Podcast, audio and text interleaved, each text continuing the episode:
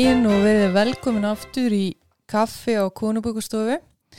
Í dag er svona fyrsta bóka, ekki gaggríni, ég veit ekki hvað orð ætlum að nota, umfjöllun, umræða. umræða. Að þau verðum kannski að vera að segja svolítið okkar skoðun sem er kannski ekki alltaf eins, vonandi ekki, kannski, Nei, nei. stundum verða eins.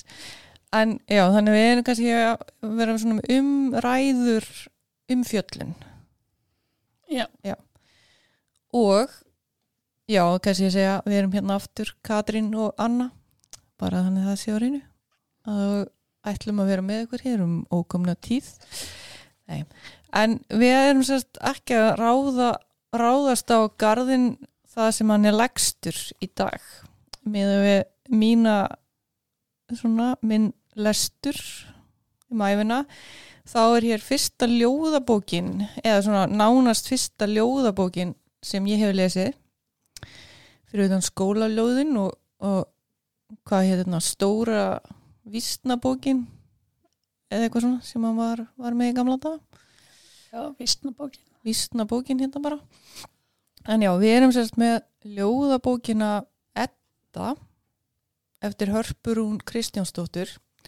Harparún er með okkur stjórn konubókustofu þannig að við erum svolítið svona kannski tengd þessari bók. Uh, Harpa Rún er bókmyndafræðingur og ádala barn eins og stendur aftan á bókinni. Og hún hlaut sér að bókmyndavarlaun Tómasar Guðmundssonar 2019 fyrir þessa bók. Þannig að þetta er merkilegt verk. Allavega svona fræðingum mennina uh, kannski vilt þú byrja kannski að segja eitthvað svona? Hvað, Já, hún harpar, hún gaf konubókustofu þessa bók, eintaka þessari bók. Og ég byrjaði strax að lesa hana og og við Katrín ákvæm að þetta er þið fyrsta podcastbókin hjá okkur. Og síðan heyrði ég hörpu lesa upp úr þessari bók í tvígang bæði hjá konubókustofu og síðan í Gimli á Stókseri og þá hætti ég að vilja lesa bókina. Því að ég bara fór að gráta hún snerti mig ljóðin en að snerta mig svo að mér fannst bara í rauninni erfitt að lesa þau. Þar sem hún er að fjalla mikið til um það að ammennar sé að fara að deyja. Og þetta seinustu stundirnar með henni og eins líka fyrstu stundirnar með ég held sískina barni sínu sem að hann skilst að við heiti Edda líka. Þannig að þetta er svona byrjun endir lífslaups og byrjun. Já, byrjun endir. Já. ok, og mér finnst hún harpar hún skrifið þetta mikill í namni. Og ég er kannski með eitthvað fordóma en mér finnst hérna þetta vera mjög þroskað. Og ég veit að harpar hún er ekki gömul þannig að finnst hún skrifið þetta af mikill í namni og eins og hún hafi lífsreynslu 80 ára kona já, En hérna, já, veist það mjög virkilega fallegt. En ég get alveg viðkjönd að en þá ég er erfitt með að lesa sömljóðin. Kannski að því að amma mín er dáinn og ég sakna hennar mikið og tengi mjög mikið við ljóðin og hennar sökniðin við ömmu mína, eftir ömmu minni. já, ég get skilja að þetta er, er einmitt svona þetta hérna svona lífslaupa þegar maður sér einhvern verða uh, gamall og hvernig maður þarf að annast hann þegar hann er kannski ekki að geta gert það sjálfur lengur. Og í rauninni að fara hugurinn að fara svona út úr heiminum. einmitt. Sko ég er samanlega ég er náttúrulega er eins og ég hef sagt að ekki kannski mikill pælari en ég hef samt þessi ljóð eru þannig að þeir segja þau segja all sögu og eru mjög skiljanleg hvað hvað hún er að meina í ljóðunum. Það er engin svona dulin merking á bakvinn eitt þetta er bara hreint og beint og maður les ljóðin og maður svona með hugsa bara já, ekki mann ömmu mína, ég er samanlegaður með það að þetta er svona, þetta snerti við manni. Og þetta er svona svona einmitt daglega lífið sem að maður sér í gegn. Og hérna og já, þetta er einmitt, ég held ég sé samanlegaður að því að ég veit reyndar ekki hvað harpaði guðmul en hérna, ég hana staðar rétt yfir þrítugt held ég, en hún er allavega ung kona og, eða um þrítugt. og hérna og þetta er, einmitt, þetta er svona mjög heitlandi en ég veit ekki hvort við hefum að lesa eitthvað ljóð til að leifa Já. hlustandum að Ég er til dæmis með eitt sem heitir Samanbörður. Meðan við söpnum minningum hverfa þínar ein af annari, afbakast, brenglast, renna saman.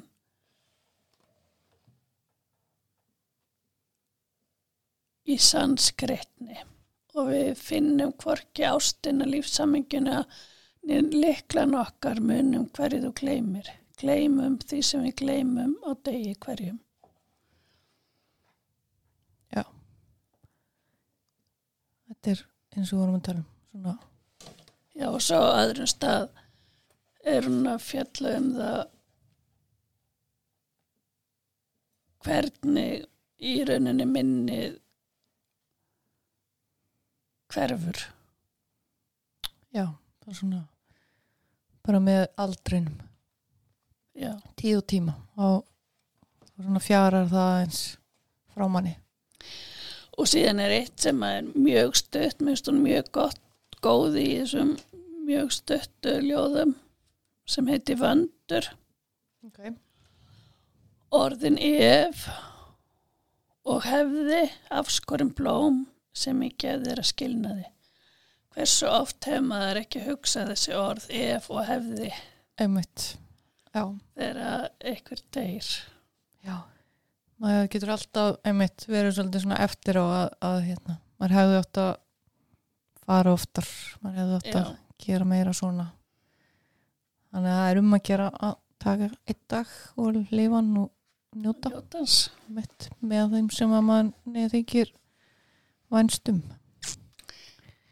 En við erum svolítið mikið að fjallum ljóðin sem að eru svona svona, konna. já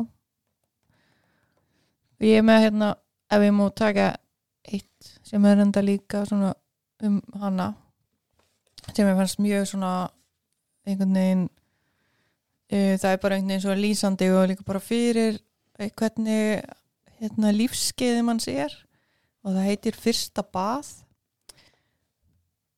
Hvor skildi nú oftar hafa baðað hína, saði mamma. Þegar amma maldaði móin og vildi ekki leggja þetta á hana. Nú leggjum við það varla á okkur stígana fyrir stuttastund við stopnana rúm. Ég held að þetta sé svolítið svona þetta að víst, við þurfum í munnum þegar við fæðumst, þegar við erum kottnaböld, þá þarf að baða okkur og hugsa um okkur. Svo verðum við fullorðin og gertum gert þetta sjálf og svo verðum við gömul og þá þurfum einhver að baða okkur aftur. Já, og Svona, eigum öruglega erutt með að taka því. Þannig að hún er að, svona, svona eins að já, líf, lífga upp á að hérna með þessari að hvor hefur nú baðað hína oftar. Já, það er svona, það er mjög fallegt. Mjög fallegt. Og líka síðan með litlu stelpuna það sem að heiti skref mm fyrstu skrefin hikandi láta býða eftir sér Deigfætur færast varlega hvor fram fyrir hinn enda með falli beint á botnin. Síðustu skrefin varfærin að brauðfótum því hugurinn dögar valla halva leið enda með falli. Þannig er hún að fjallum sagt, fyrstu skref barsins og seinustu skref gamlu konunar. Að þetta er líkt og eins. einmitt þetta er, já ég held ekki ennum sammála um að þetta sé bara svona mjög þetta er mjög falleg bók Já. og, Að ég tók eftir því þegar hérna hún las upp á konubókustofu og þá var hópur frá eldri borgurum og selfos eða leshópur já, og ég tók eftir því að suma konurnar voru að berjast við grátinn þegar hún var að lesa upp. Æ, þannig að hún greinlega næra rífa fólk alveg inn að hjartarótum. Það eru mjög spennandi að fylgjast með hvað kemur næst hjá henni Já, þetta er fyrsta ljóðabökinunar og það er mjög líklegt að eftir að koma fleiri eða kannski skaldsa eða æfiminningar svo hefur hún verið að skrifa pistla líka núna sem að mér hefur fundist mjög áhugaverður. Út frá sjónarhóðni bóndas sem að hún er líka. Já, hún er líka múndi já, þannig að hún er með mjög fjölbreytt starfsvið skrifa fjölbreytt. Skrifa þessi fallegu ljóð og svo líka fyrir fjárhúsið kannski. Já. Þannig að það verður virkilega gaman að fylgjast með henni framtíðinni. Já, mjög. Þá held ég svo sem láta mynda bara að duga um þessa bók. Það var hvetjum alla til að lesa hana. Að sjálfsög ég get alveg gert það líka þó eins og ég segi þetta sé svona með fyrstu ljóðabókunum sem ég hef lesið þann, En eins og Já. þú segir, það er hún aðgengileg þeim Já. sem að hafa ekki lesið mikið á ljóðum.